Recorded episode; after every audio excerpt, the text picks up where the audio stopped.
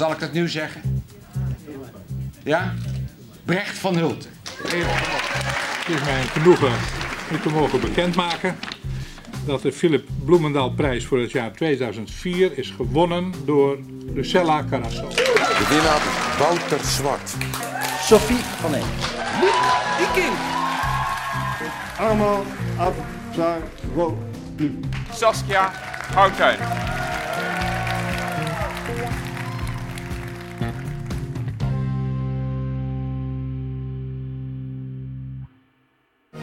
Nog altijd horen we hem af en toe als er een polygoonfilm wordt herhaald.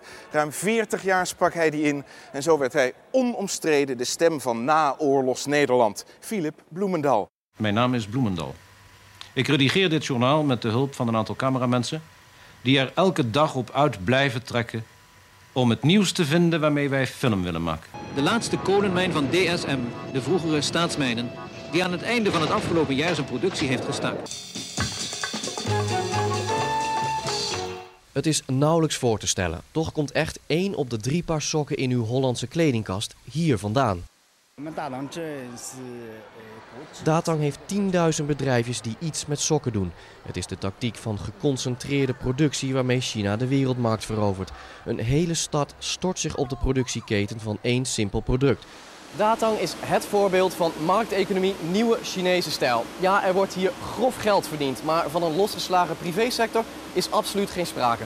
De Chinese overheid plant zijn economische groei zorgvuldig. En dat betekent truien links, ondergoed rechts en sokken hier in Datang. Ik wist niet zo goed wat ik wilde worden later. En het was mijn lerares maatschappijleer die mij na een paar uh, opstellen vertelde... Wat verdorie jongen, jij kan eigenlijk wel heel goed schrijven. Uh, misschien moet je daar uh, wat mee gaan doen.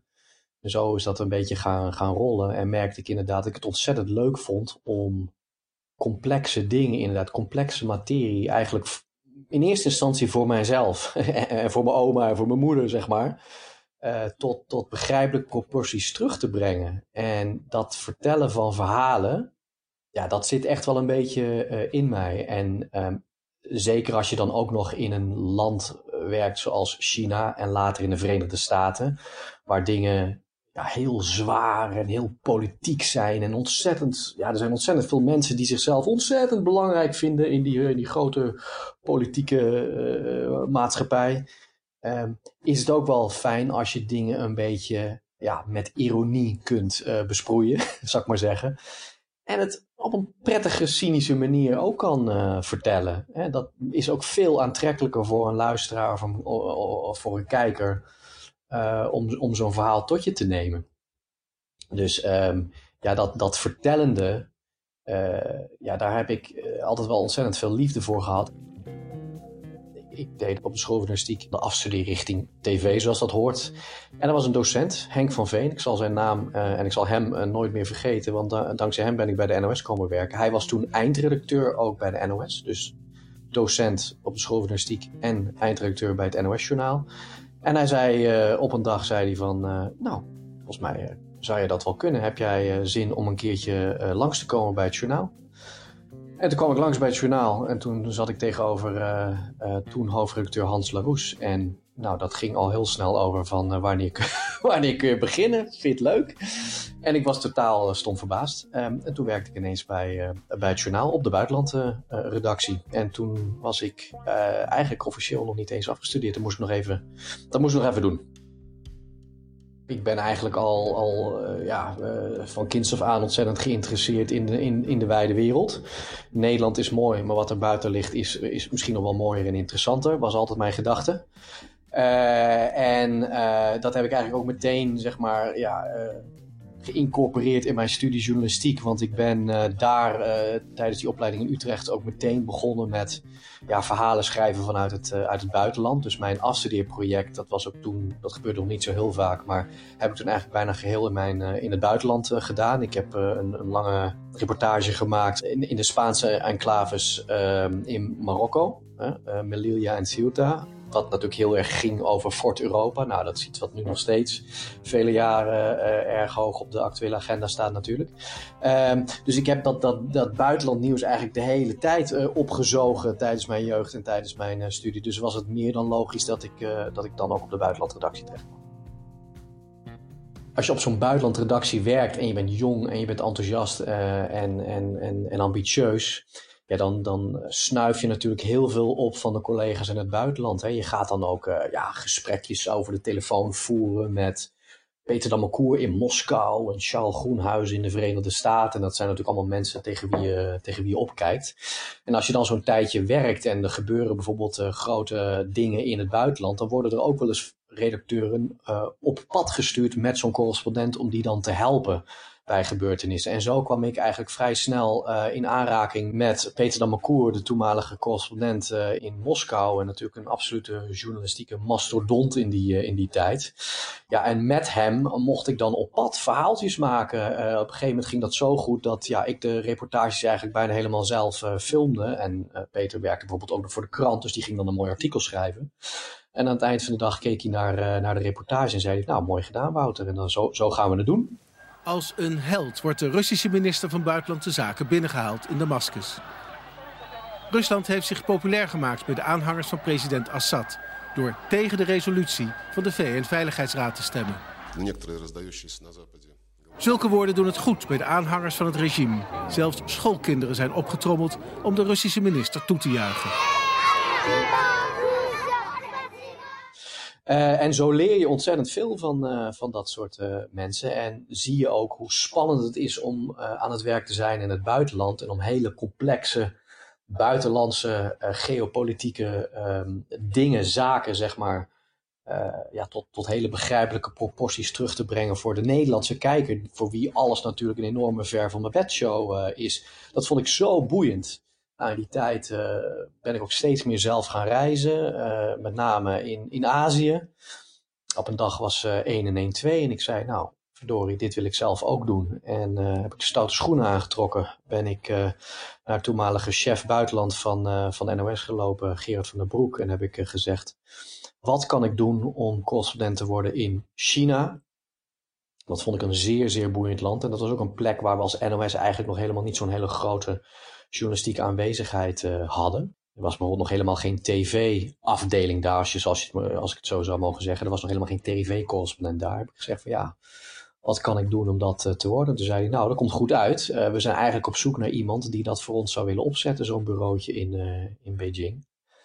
ik ben op reis gegaan. Heb vervolgens allerlei correspondenten van de BBC en NPR en CNN het lijf het hemd van het lijf ge gevraagd van hoe doe je dat? Een, een journalistiek kantoortje opzetten in, in China.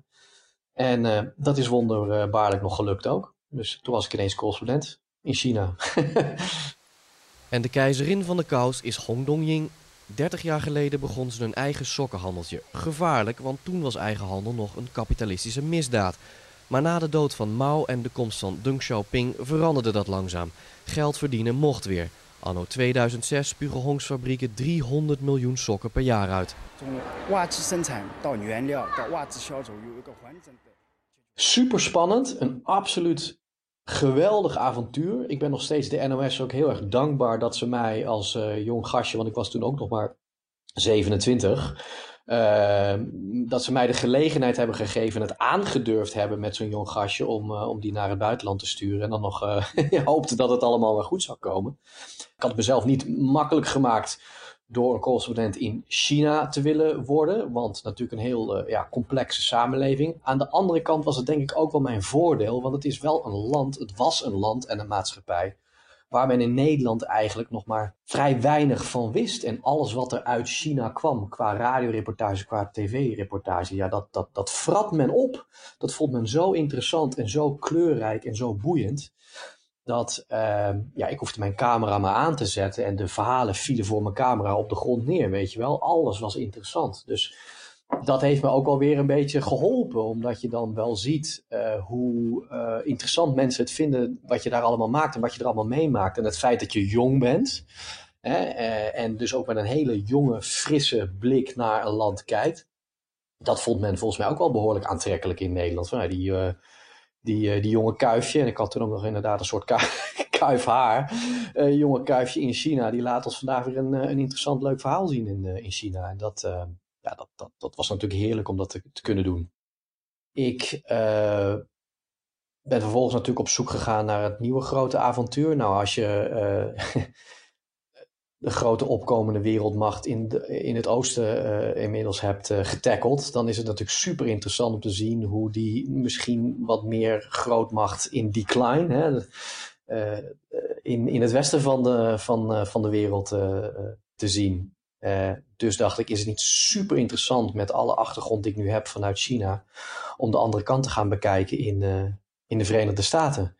En dat vonden mijn, uh, mijn bazen in, in Hilversum gelukkig ook. Die zeiden oké, dan gaan we kijken of we jou in, in Amerika kunnen, kunnen krijgen.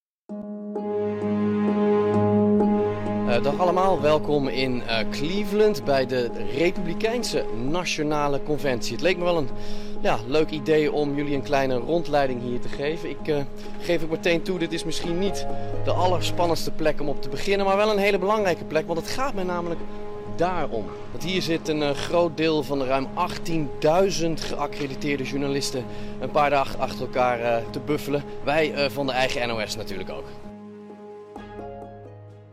Je bent als, als journalist en zeker als correspondent, ben je niet alleen maar de verslaggever voor de Nederlandse kijker en luisteraar, maar je bent eigenlijk ook de correspondent voor degene die in dat land wonen. Ik ben ook de correspondent voor de mensen in China geweest. Ik ben ook de correspondent voor de mensen in de Verenigde Staten geweest. Waarom zeg ik dat? Omdat we vaak als correspondenten in hele lastige gebieden werken, waar mensen zelf niet de macht hebben uh, om hun verhaal te vertellen aan de rest van de wereld. Die mensen die leven in omstandigheden dat ze rechteloos zijn en hun verhaal moet gehoord worden. En dat kun je alleen maar doen door op pad te gaan, door zoveel mogelijk mensen te ontmoeten.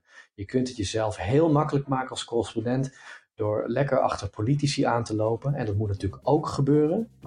Dat, natuurlijk niet lullig tegen mijn collega's in Den Haag of zo, want het is ontzettend belangrijk dat er in Den Haag uh, journalisten zitten die de macht controleren. Dat is van, van het grootste belang, maar het is niet het enige belang. Uiteindelijk moeten er ook collega's zijn die bij Jan en Piet en Marietje op de bank gaan zitten en zeggen: Vertel mij een verhaal. Waarom word jij getroffen door hetgene dat de politicus in, in Den Haag besluit? Daar gaat het uiteindelijk natuurlijk wel om. En als dat, als dat niet voldoende gedaan wordt, ja, dan, dan, dan heb je scheefgroei in de journalistiek. Dan lopen wij te veel achter de machthebbers aan en te weinig lopen we op met de mensen die het verdienen om een verhaal gehoord te, te krijgen.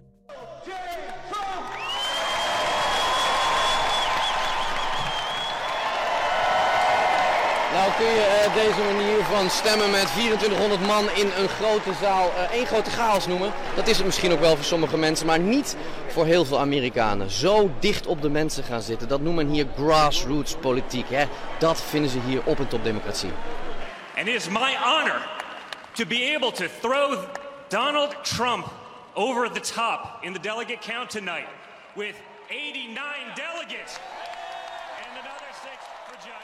En dat maakt het ook zo ontzettend aantrekkelijk om in het buitenland te werken. Ik bedoel, de kans dat jij uh, de president van de Verenigde Staten kunt interviewen, is vrij nihil. Ik heb hem in mijn hele leven letterlijk één vraag kunnen stellen. Dat was president Obama, niet president Trump. Oh, die heb ik trouwens ook nog een vraag gesteld, bedenk me nu ineens. Maar daar houdt het wel bij op. Waarom wordt u de president van de Verenigde Staten? Hij keek in mijn cameraatje en uh, tikte met zijn uh, wijsvinger op zijn, uh, op zijn slaap. niet om te zeggen ik ben gek, maar juist om te zeggen het zit hier allemaal goed jongen, hier zit het plan, let maar op. Nou ja, een paar maanden later kreeg je natuurlijk gelijk. Hij was ineens de president van het machtigste land ter wereld. Ik heb ontzettend genoten van mijn tijd in de Verenigde Staten. Het was zeer interessant om, om dat land in korte tijd zo te zien veranderen. Uh, maar ik moet je ook wel zeggen, dat heeft uh, persoonlijk ook best wel een behoorlijke wissel op mij, uh, op mij getrokken. omdat je ja, in, een, in, een, in een zes jaar durende achtbaan hebt gezeten. Waarbij ook alle, laten we zeggen, alle natuurwetten van hoe een democratie werkt overhoop werden gegooid. Alle natuurwetten over hoe journalistiek werkt overhoop werden gegooid. En eigenlijk hoe een hele samenleving uh, functioneert, uh, overhoop werden gegooid.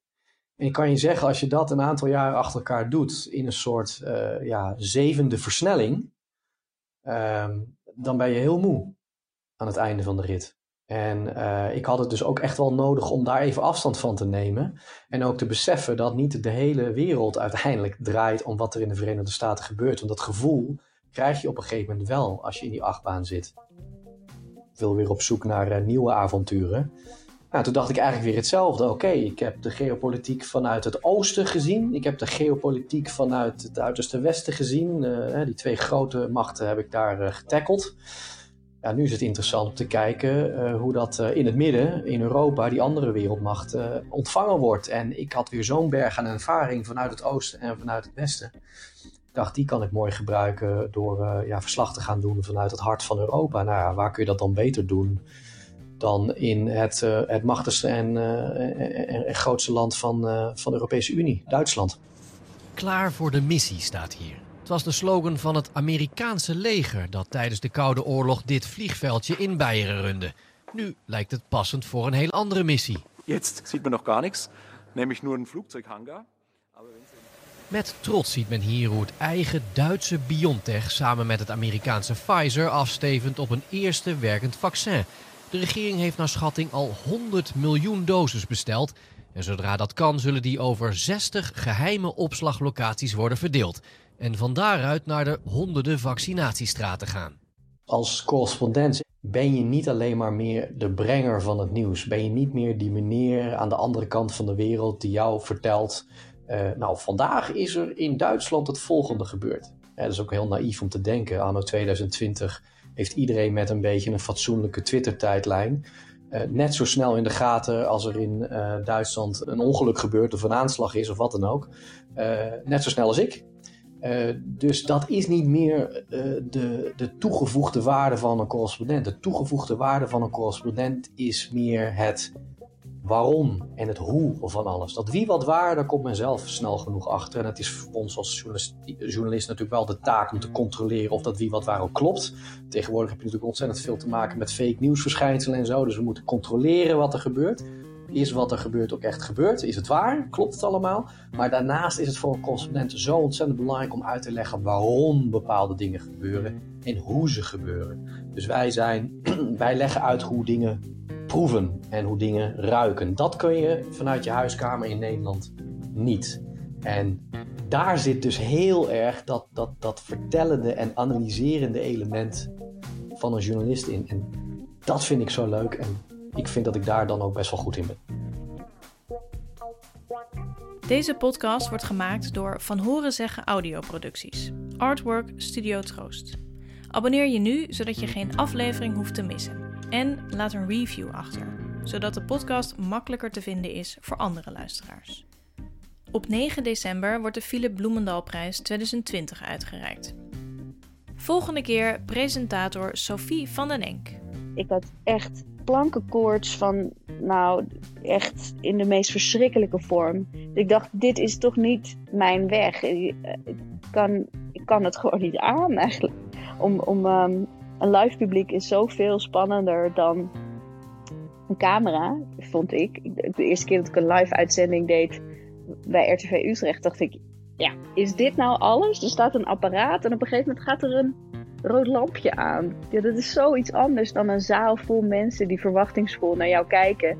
En, en denken, nou, dus jij gaat het dus even allemaal vertellen en mij aan het lachen maken. Dat, dat, ik, ik vond dat echt uh, ziekmakend, die plankenkoorts.